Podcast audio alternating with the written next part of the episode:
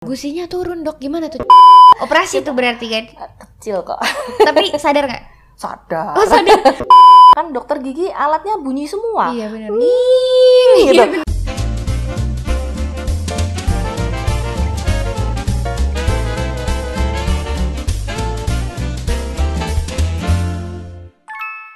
Hai dokter Debra Nia Santoso. Halo, halo. Dokter aku Adis kenal. kenalan dulu kita yuk. Iya, Debra, Debra. Jadi dokter Debra ini adalah dokter spesialis gigi anak. Ya, betul. Spesialis tuh ya, Ya, gigi anak. iya. Oke. Itu eh, prakteknya di mana dok? Em, apa ini rumah sakit apa Rumah sakit, pribadi? boleh, di mana aja? eh, rumah sakit saya di Un Solo Baru. Mm-mm. Kalau yang pribadi ada di ini Fajar Eh, di rumah, di klinik gitu. Ya, di Fajar Indah eh, praktek biasa sih, bukan Oke. klinik. Heeh. Terus dok, eh, sekolahnya panjang ya kayaknya ya dok ya? Iya, udah tua ini. Oh gitu. Jadi habis kedokteran gigi ambil spesialis lagi. Eh, ya, kan lima tahun kedokteran Mm-mm. gigi umum Mm-mm. dulu. Dulu saya di UNER. Mhm, Terus selesai itu sempat kerja satu tahunan. mhm. Terus di UGM ambil S2, Mhm. san spesialis sekitar empat tahunan. Terus, Oke. Ya, tapi itu lama karena saya cuti, sempat cuti setahun. Saya ke New Gitu. Zealand. Oh gitu. Enak Mm-mm. sekali jalan-jalan ya dok ya. Makasih. Anaknya lahir di sana katanya ya? Ya, anak Oh, saya lahir oke. di New Zealand. Sambil kerja juga dulu. Eh, sempet sempet magang di ya kayak klinik gigi gitu di sana. Soalnya kan saya ikut mama saya, mama saya warga negara sana Mhm. gitu. Terus nih dok, berarti udah lama dong berkecimpung di dunia pergigi anak. ya lumayan. Udah lama ya? Praktek sudah mungkin 12 tahun ya, 10 sampai Wow. Heeh, 12 tahun kayaknya. Itu anak doang. Ya, Khusus gigi anak. kayaknya. heeh. Seru ya dok? Ya lumayan lah tiap hari ada hal yang challenging. Oh gitu ya. Terus dok aku mau nanya soalnya anakku nih masih eh, usia-usia tumbuh gigi Mm-mm, gitu kan. mm-mm. Nah katanya usia tumbuh gigi anak itu ada jadwalnya, bener gak? Ya, ada, ada. Jadi biasanya eh ini usia tumbuh ya, tumbuh Mhm, pertama ya dari bayi ya sekitar 0 0,6 bulan tuh gigi seri bawah. Mhm. Habis itu atas, terus Mhm. habis itu baru ke belakang-belakang. Nah, nanti setelah dia umur 6 sampai ya 11 12 tuh Mhm. mulai nih ganti-ganti gigi. Mhm. Pertama yang gigi permanen pertama yang tumbuh. Nah, nih kadang orang tua sering salah ya. Mhm. Yang pertama kali keluar itu malah gigi geraham. Jadi gigi, Oh, gitu. Heeh, gigi geraham paling belakang. Dia kalau keluar dia nggak goyang gigi susu. Jadi dia tuh langsung nembus gusi. Oh gitu. Tapi itu gigi permanen. Mhm. Gitu lah. Kadang eh, orang tua yang agak gini ya, ah masih gigi susu nggak Oh, apa-apa gitu. gitu. Saya paling sedih kalau nemuin gigi geraham permanen di anak-anak tapi udah lubang. Waduh, itu sakit banget kan rasanya. udah gigi dari Karena- awal udah pakainya itu doang ya Iya, ya. karena itu akan kepake sampai dia nanti tua, remaja tua gitu. Nah, Oke. setelah dia keluar, baru nih gigi depan bawah Mhm. itu yang keluar tapi goyang sama si gigi susu. Jadi, Jadi ada gigi ya, goyang. nyundul gitu ya dok ya? Istilahnya oh kesundulan ada putih-putih di belakangnya mhm. gitu. gitu. kalau Jadi itu sudah- biasanya usia 6 tahun. Iya, 6 tahun, 6 6 ke 7. Terus habis itu gigi atas nih, Hmm. atas depan yang eh, biasanya kalau gigis tuh Hmm. dia keluarnya di belakangnya. Jadi Hmm, gitu. Eh, kalau gigi yang gigis yang sudah tinggal akarnya, biasanya dia nggak mau goyang sendiri terus lepas, harus dibantu. harus dibantu. Mm-mm. betul. Nah, kalau sudah itu umur 7 ke 8. Hmm. Nah, setelah itu baru ke belakang, gigi geraham-geraham yang lain mulai ganti. Geraham geraham susu loh ya, geraham susu mulai ganti. Nah, kebanyakan nih kalau yang datang ke saya, Mm-mm. keluhannya gigis kan. Mhm. Ya, estetik kan tuh dia Mhm. punya. Tapi saya pasti lihat dulu belakangnya. Belakangnya lubang nggak gigi geraham susunya? Mhm. Karena geraham susu tuh yang terakhir nanti Mhm. ganti umur sebelasan, sebelasan, sepuluh, sebelas gitu. Kalau dia sudah lubang nih, yang saya tutup yang belakang dulu Oke. gitu. Jadi nanti berkala. Karena apa yang saya selamatkan dia yang masih dipakai panjang sama anak. Oke. Heeh, kalau gigi depan bawah kan umur 6 ke 7 ganti, Mhm. depan atas 7 ke 8. Tapi Mhm. kalau ini hampir umur 11. Oke. Dan kadang anak tuh kasihan juga. Dia kalau mau ngunyah di kiri ada ini Uh-uh, lubang kan kemasukan kan Iya, nggak enak. benar-benar. Dia bawa ke ya. kanan sakit juga Mhm. gitu. Makanya untuk ini ya untuk anak-anak saya lebih prefer selamatin yang belakang dulu. Oke. Uh-uh. Terus eh, usia normal tumbuh gigi kayak ini anak aku dulu tumbuhnya agak unik nih dok, Mm-mm. agak sedikit berbeda. Kalau Mm-mm. katanya kalau misalnya aku baca-baca gitu kan, cari referensi waktu itu umur anakku udah 8 menuju 9 bulan tapi giginya belum keluar. Ah. Ternyata udah ada putih-putih Mm-mm. di atas tapi bagian samping dulu. Mm-mm. gigi seri tapi yang samping bukan yang tengah dulu. Mm-mm. Jadi dia kayak eh, kayak Dracula gitu Gigi keluar seri gitu. kedua. Seri kedua, Ah, ah, bener. ah. Gigi seri kedua yang samping itu, itu dulu udah kelihatan putih-putih. Abis itu langsung kayak langsung empat, langsung enam Mm-mm, sekalian sekaligus Ah, ah, ah. banyak. Nah itu apakah terlambat sih dok? Enggak sih, kita nggak bilang delapan sembilan bulan itu terlambat belum? enggak, kita nggak bilang terlambat. Plus minusnya satu tahun kok. Oh gitu. Heeh, jadi masih oke banget seperti itu dan Hmm. eh, ASI kalau ASI kan itu lebih menyenangkan juga untuk mamahnya kan nggak Iya. sakit kan Iya bener, sih. Iya bener sih jarang digigit pakai gigi Iya. ya. Jadinya masih pakai gusi aja. keluhannya biasa kalau ke saya kalau sudah mulai ini sudah mulai mamahnya juga Hmm. komplain kok ini gini gini gini gitu tapi ya memang ya itu masih normal kita bilangnya anomali aja Gitu ya. Emang begitu prosesnya emang ya gitu dok ya. heeh. Berarti eh, jaraknya satu tahun. Tapi Ya, kalau misalnya sudah lebih dari satu tahun eh, masih belum tumbuh juga, berarti itu baru harus concern.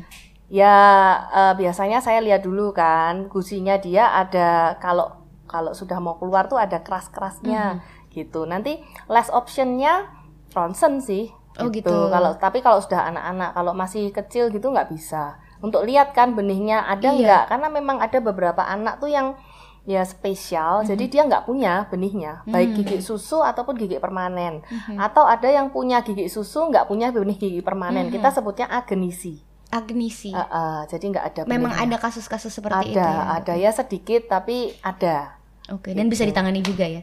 bisa bisa nanti kalau dia memang nggak ada gigi permanen ya kita usahakan pakai denture denture tuh kayak gigi palsu tapi untuk anak-anak Oh, ada gitu. juga ya, Dok, ada ada Terus eh, ada lagi pengalaman ini sepupuku sendiri. Ah. Dia itu hamilnya dulu barengan nih sama aku. oh Melahirkannya beda satu minggu duluan dia. oke Nah, dia waktu hamil itu bermasalah dengan kalau nggak salah dia preeklamsi. oh Dan sekarang anakku giginya kan baru mulai tumbuh-tumbuh ya. Mm-mm, Anaknya dia sih sebenarnya giginya kayaknya udah lumayan agak lengkap, cuma udah gigis juga beberapa. Mm-mm, Apa namanya karies? Ya karies gigi Nah, itu apakah pengaruh nih, Dok? Waktu ibu hamil mengalami gangguan kehamilan, Uh-uh. itu apakah ngaruh ke pertumbuhan gigi anak? Eh, kalau menurut saya itu lebih ke habit ya Mhm. jadi anaknya eh, bubuk sambil ngedot nggak Mhm. terus kalau makan ngemut nggak Hmm, itu. gitu kalau dia banyak terpapar istilahnya sugar Mhm. itu yang bikin gigis kan sebenarnya karena gigi itu eh, terutama gigi depan kalau dia entah asi atau entah ngedot kan dia yang terpapar gula semalaman nih ceritanya ya. Biasanya saya sarankan ke orang tua kalau memang dia bubuk harus seperti itu ya nggak apa-apa tapi orang tua eh, bersihkan juga. Jadi setelah dia bubuk ambil kasa dililitkan di jari celupin ke air biasa air mateng ya terus diusap gitu aja. Itu akan sangat sangat Membantu ya. meringankan heeh, sangat membantu Terus eh, apakah satu anak dan anak lainnya punya apa ya kalau dibilang mungkin kualitas gigi yang beda gitu dok? Ada yang giginya tanpa dengan perawatan yang sama tapi si ini kayaknya giginya lebih rapuh gitu. Itu bisa terjadi juga ya dok? Eh, lebih rapuh enggak sih kalau saya bilang itu lebih ke treatment kok Oke. gitu ha. jadi kalau dia memang nggak ada kebiasaan yang bikin jelek nih gigi harusnya fine fine aja Oh, kita gitu. harus telusur nah di sini peran peran kita pediatrik dentis ya istilahnya di sini. Kita harus tracing nih Mhm. nih anak di rumah gimana?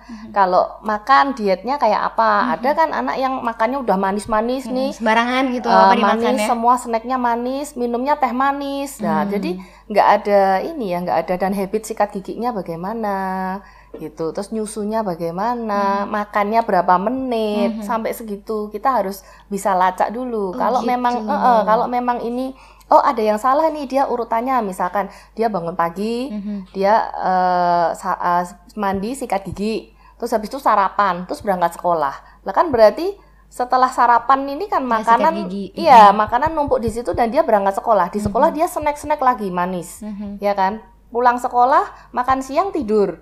Ya kan dia manis juga di situ tidur nggak sikat gigi. Kan eh, sebenarnya sikat gigi yang paling bagus itu setelah setelah habis makan, Makan. sih jadi urutannya harusnya bangun pagi Makan mandi makan baru sikat, Sikat gigi, gigi. berangkat sekolah Oke. gitu Jadi itu sebenarnya habit orang Indonesia yang mungkin selama ini kita salah ya. iya Karena sebaiknya ternyata eh, abis makan tetap harus sikat gigi dulu ya. Dok, ya? Eh, Tapi kalau kebanyakan sikat gigi juga nggak bagus nggak sih? Eh, enggak, enggak Oh, bagus enggak. juga. Karena gini, eh, biasa kalau yang ditemukan tuh usia 30-40 tahun, Mm-mm. gusinya agak kayak turun. Kalau itu bukan kebanyakan sih. Kalau saya bilang caranya sikat yang agak perlu dibenarkan. Gusinya turun dok, gimana tuh ceritanya? Jadi eh, kita istilah medisnya resesi gingiva. Mhm. Jadi mm, karena dia posisi nyikatnya itu terlalu kuat, Hmm. diteken dan dia pakai jenis sikat yang eh, medium medium ke hard ya. Jadi dan dengan power dengan seperti itu dan gerakan yang salah. Hmm.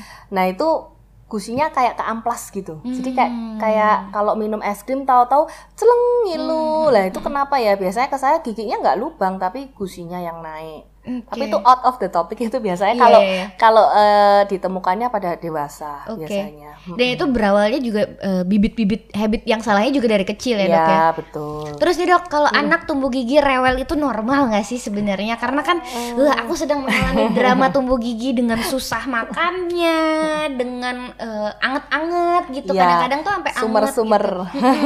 Terus pakai rewel juga semua salah, apalagi usia-usia tumbuh gigi juga kadang-kadang barengan sama usia tantrum gitu kan. Iya. Itu normal nggak sih dok? Eh, quite normal. Ya? Ya, quite normal kita bilang karena memang rasanya agak nggak nyaman. Mhm. gitu. Terus yang jelas eh appetite dia agak beda. Terus drooling, drooling tuh jadi Ngeces, ngeces ha, terus gitu.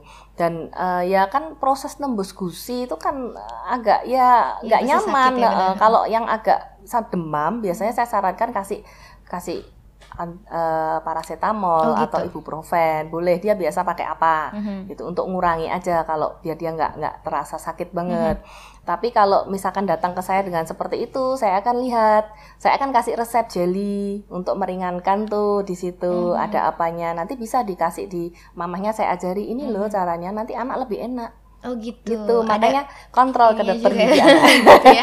Makanya kontrol dokter gigi anak. Ternyata itu. Iya. Terus eh, apa sih namanya eh, tumbuh giginya anak ini kadang-kadang juga jadi nightmare gitu ya. Kita aja sih kadang-kadang yang orang tua eh, geraham aku nih masih sekarang sampai sekarang usia aku segini tuh masih belum selesai tumbuh. Ah, ah. Jadi kadang tumbuh terus nanti dia berhenti ganti yang sebelah sini, ganti yang atas gitu kan. Emang rasanya pasti tidak nyaman ya. Jadi eh apa yang bisa dilakukan sekarang juga ternyata banyak teknologi seperti kalung ember yang katanya bisa membantu meringankan eh, nyeri waktu tumbuh gigi, droolingnya juga bisa teratasi untuk beberapa anak yang cocok sama si energinya si kalung ember ini gitu dok. Pernah dengar kalung ember? Jujur belum. ada sebuah eh, getah apa ya kalau nggak salah tuh getah pinus tapi pinus yang dari Baltik Oh, itu dia punya oh. energi yang bisa meredam gitulah ceritanya Oh, Oke, oke. iya aku dulu di endorse Oh, oke. aku dulu di endorse dan sampai sekarang anakku masih pakai dan tidak ngeces Oh, saudara-saudara ini, ini baru dari saya. iya mungkin bisa dijual di klinik juga dok Oh. gitu terus eh, men- jadi menenangkan bayi yang tumbuh gigi itu kalau misalnya anget bisa dikasih paracetamol juga tadi ya dok ya Kompres, kompres dulu. Oh, kompres. ya. Di luarnya gitu, di Eh, kompres. kalau dia demam kan kita kompres dulu. Terus eh, di giginya ada sih jelinya untuk diolesin di situ rasanya manis. Anak-anak suka Mhm. gitu. Ketelan juga nggak apa-apa. Oke. Ada terus eh, bisa juga dengan ini kan apa kalau dia masih bayi ya? Bayi ceritanya. Ini bayi atau Terserah dokter. Maksudnya anak-anak untuk bayi atau kalau anak? anak-anak lebih lebih gampang sih ngerayunya kasih es krim kasih Oke. yang enak-enak dulu lah yang dingin-dingin tuh biasanya ah. sangat ini ya meredam Ah, ah. nyeri kayaknya ya. ya gitu Oke, ya dulu sempet sih dok, aku tuh sampai waktu anakku tumbuh gigi yang apalah lupa ya, itu sampai dia makan nasi pakai es krim. Karena dingin gitu Iya, dan enak. enak. Heeh. Eh, yang penting masuk karbonya ya daripada tidak makan sama sekali. Terus gigi permanen itu biasanya tadi usia berapa? Mulai usia 6 tahun. Eh, 6 ke 11 itu mulai ganti. Kita bilangnya ini gigi campuran. Jadi di dalam rongga mulut ada gigi susu dan ada gigi Oh ya, itu permanen. aneh-aneh tuh ya, jadi bentuknya Iya. tidak karuan. Iya. Dan aku dulu waktu SD kalau nggak salah itu sempat pakai retainer. Ya, heeh. karena rahangnya masih kecil tapi giginya kan udah gigi dewasa tuh dok. Jadi kadang suka nggak muat.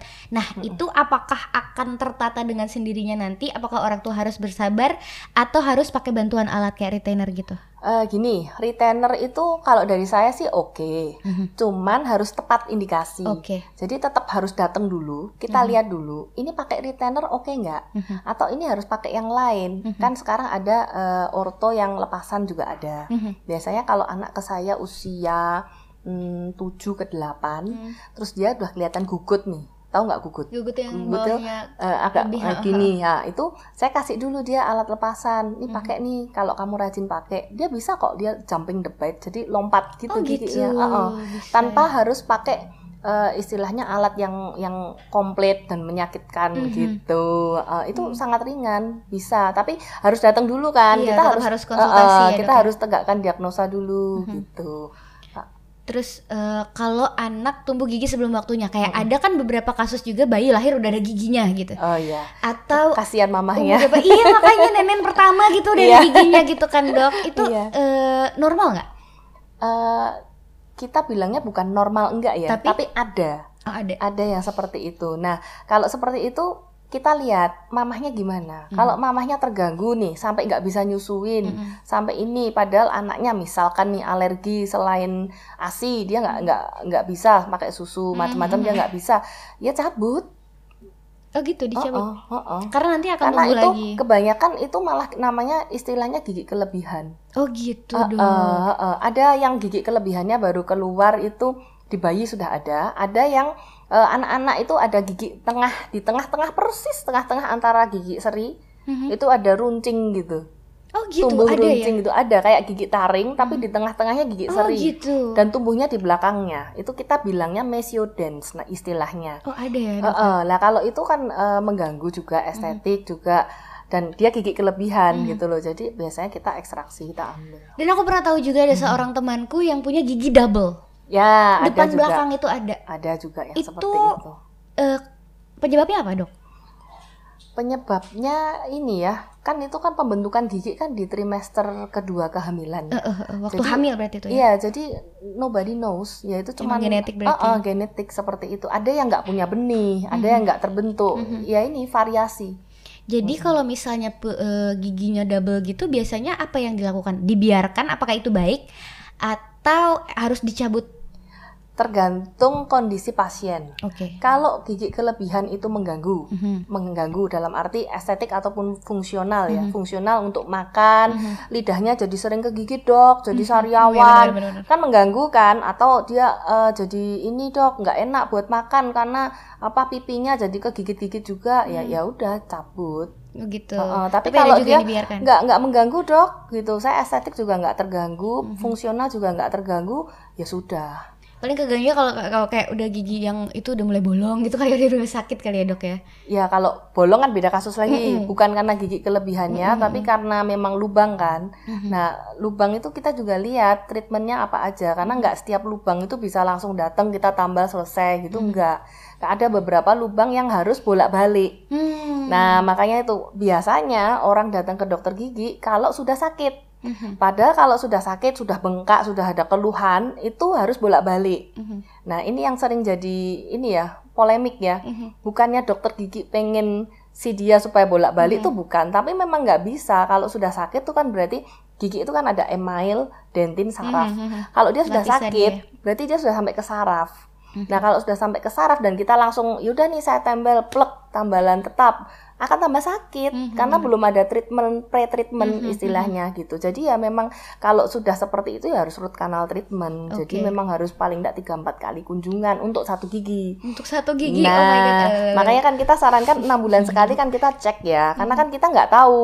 Kadang kalau lubangnya masih di daerah email, masih kecil kan nggak ada keluhan. Iya. Nggak tuh dok, nggak apa-apa, nggak pernah sakit gitu. Tapi ini lubang loh, Oh, gitu. gitu. Kita nggak tunjukin ketahuan dan nanti. tidak terasa juga Oh, ya dok oh. ya. Nah, Benar, kalau benar. kalau sampai eh, masih di email sih kita satu kali selesai. Mhm. Jadi satu kali langsung tambal tetap nggak ada keluhan juga dan prosesnya juga nggak sakit sama Oke. sekali. Makanya Gitu. itu pentingnya rutin kontrol kan dokter gigi enam bulan sekali betul. Iya. Jadi tidak terlambat ya dok ya. Terus nih kalau misalnya tadi ada yang kecepatan, ada juga kan yang terlambat kayak aku nih nonton eh, Netflix. Mm-mm. Di Netflix kan ada sebuah series judulnya Stranger Things dan kalau teman-teman eh, mam mams di rumah juga eh, mams mams selo ya seperti saya yang nontonin Netflix nih ada satu karakter namanya Dustin yang dia tidak punya gigi depan, belum tumbuh sebenarnya. Gigi depan itu dia sempat nyebutin nama kasusnya apa cuma aku lupa. Nah, itu usianya dia di situ sekitar 11 12 tahun. Oke. Nah, apakah itu bisa terjadi dan apa penyebabnya, Dok? Bisa, bisa terjadi. Mhm. Idiopatik. Jadi dia nggak punya benihnya. Oh, tidak punya Itu. benihnya. Biasanya seperti itu kalau 11 12. Mhm. Itu. Atau ada juga yang seperti ini. Jadi dia punya benihnya, tapi ada something yang menghalangi benihnya itu Hmm. Oh, untuk gitu. keluar. Kayaknya itu deh, Dok. Nah, itu namanya odontoma. Jadi ada kita perlu gambaran ronsen ya. Jadi itu harus di ronsen. kita di lihat. kita harus lihat ya toh gambaran ronsennya gimana. Mhm. Kan kelihatan tuh ada nggak benihnya. Kalau ternyata ada, kita lihat bawahnya ada yang menghalangi nggak. Mhm. Biasanya ada kayak tumor jaringan. Oh, gitu. Eh, eh, jadi di situ yang menghalangi. Jadi gigi ini mau keluar tapi nggak bisa. Oh, iya, gitu. benar-benar. Nah itu harus diambil tumornya dulu, jinak sih, diambil tumornya, terus biar dia bisa bebas untuk keluar. Oh gitu. Jadi biasanya ada yang menghalangi atau, atau, nggak memang nggak punya. ada benihnya. Oh, oh. Nah Oke. nanti kan treatmentnya beda tuh, makanya kita harus lihat dulu nih diagnosanya apa. Mhm. Kalau memang dia nggak punya benihnya, so what we can do Mhm. Uh, untuk estetiknya dia ya kita pasang dulu uh, denture gigi Oke. palsu, Mhm. terus atau bisa kita kalau memang dia ada benihnya tapi ada odontoma berarti odontomanya dulu diambil. Mhm. Terus kita lihat nih gigi odontomanya sudah diambil mau keluar nggak? Mhm. Oh tetep nih dok nggak mau keluar gimana? Ya udah kita pasang namanya window exposure. Jadi kita tarik tuh gigi Oh keluar. gitu ditarik bisa. Iya bisa. Iya, sa- sakit dong ya dok. Enggak sih kenceng, Oh ya. Operasi itu berarti kan. kecil kok. Tapi sadar nggak? Sadar. Oh sadar. Oh jadi sadar. Coba dibius aja. Iya. Takut ya seremnya. Aduh makanya rutin deh pada ke dokter gigi 6 bulan sekali. Terus dok, eh apa ya? Hal apa aja yang perlu dihindari biar eh, pertumbuhan gigi anak tidak terganggu? Jangan apa, jangan apa, jangan apa. Oke, gigi anak ya nih. anak. Uh, banyak banget nih. Kalau dari segi mencegah karies gigi, Mm-mm. pembersihan. Oke, karena karies ternyata dari kotoran gitu ya dok ya, ternyata. ah, ah, itu terus diet.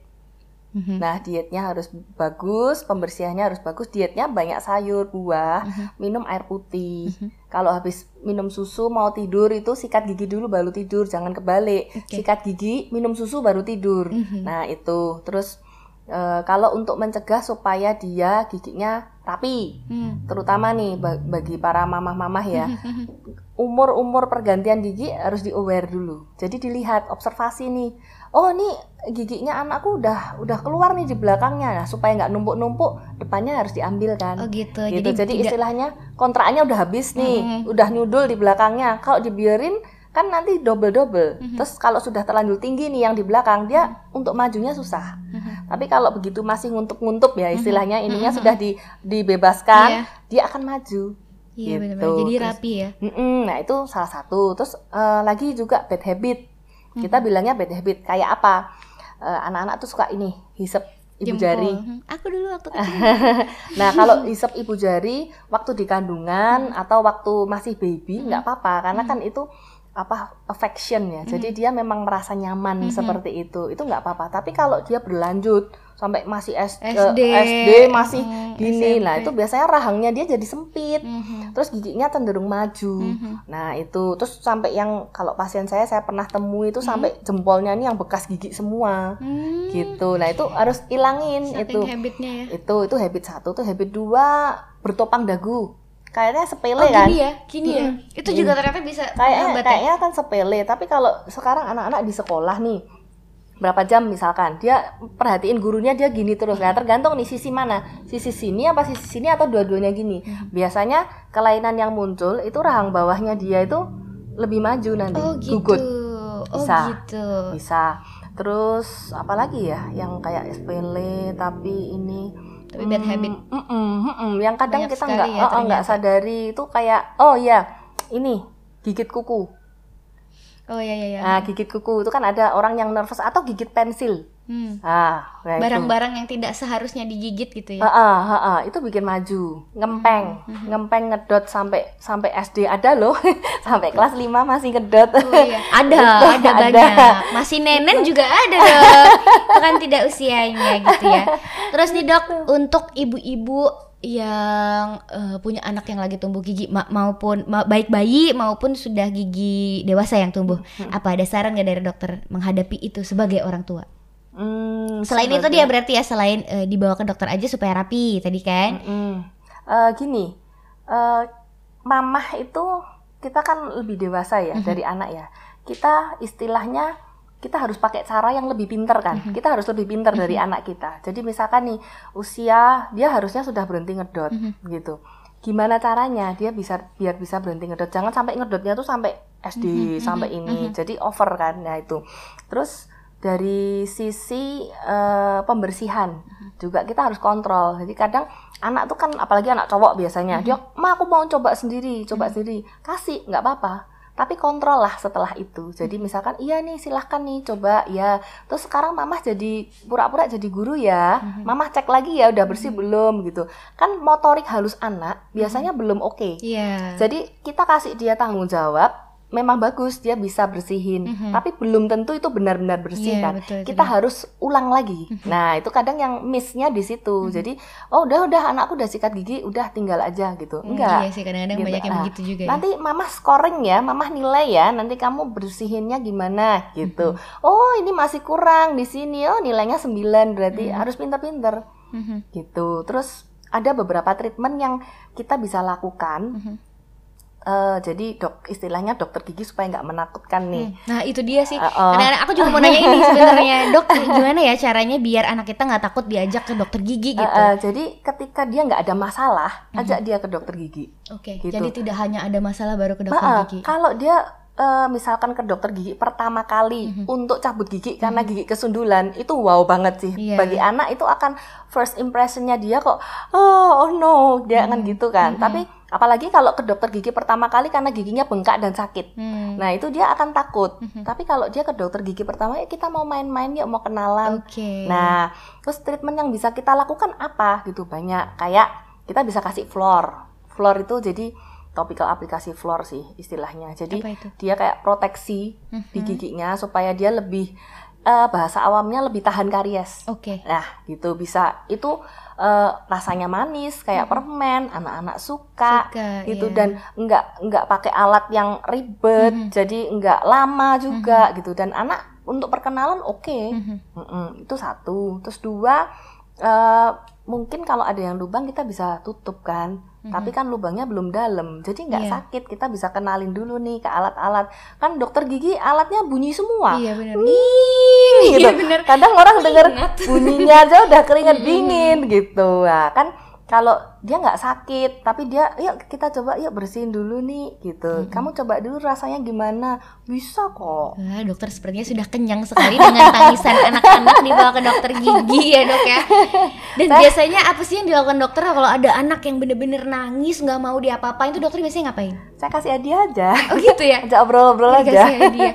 Kalau aku jadi dokter eh, spesialis gigi anak, sepertinya aku akan menyediakan iPad ya, untuk mainan gitu kali ya. Efektif gak?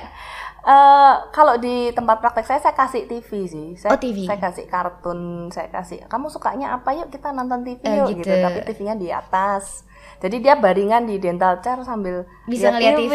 ya, Oh, iya bener. gitu. Terus saya ada ya bagi-bagilah mainan apa gitu, Oh, gitu. biar dia bahagia dulu. Kalau sudah mau kenalan ya cocok pasti dia mau kok buka mulut. Oh gitu, hebat banget ya. Secara psikologis anak juga kayaknya harus memahami ya. Selain memahami seluk beluk gigi dan mulut. Dokter Debra terima kasih banyak sudah hadir di sama-sama. Momstock. Mudah-mudahan kita ngobrol lagi soal yang lain lagi tentang Oke, gigi anak. siap. Sampai jumpa di Bye-bye. Momstock episode berikutnya.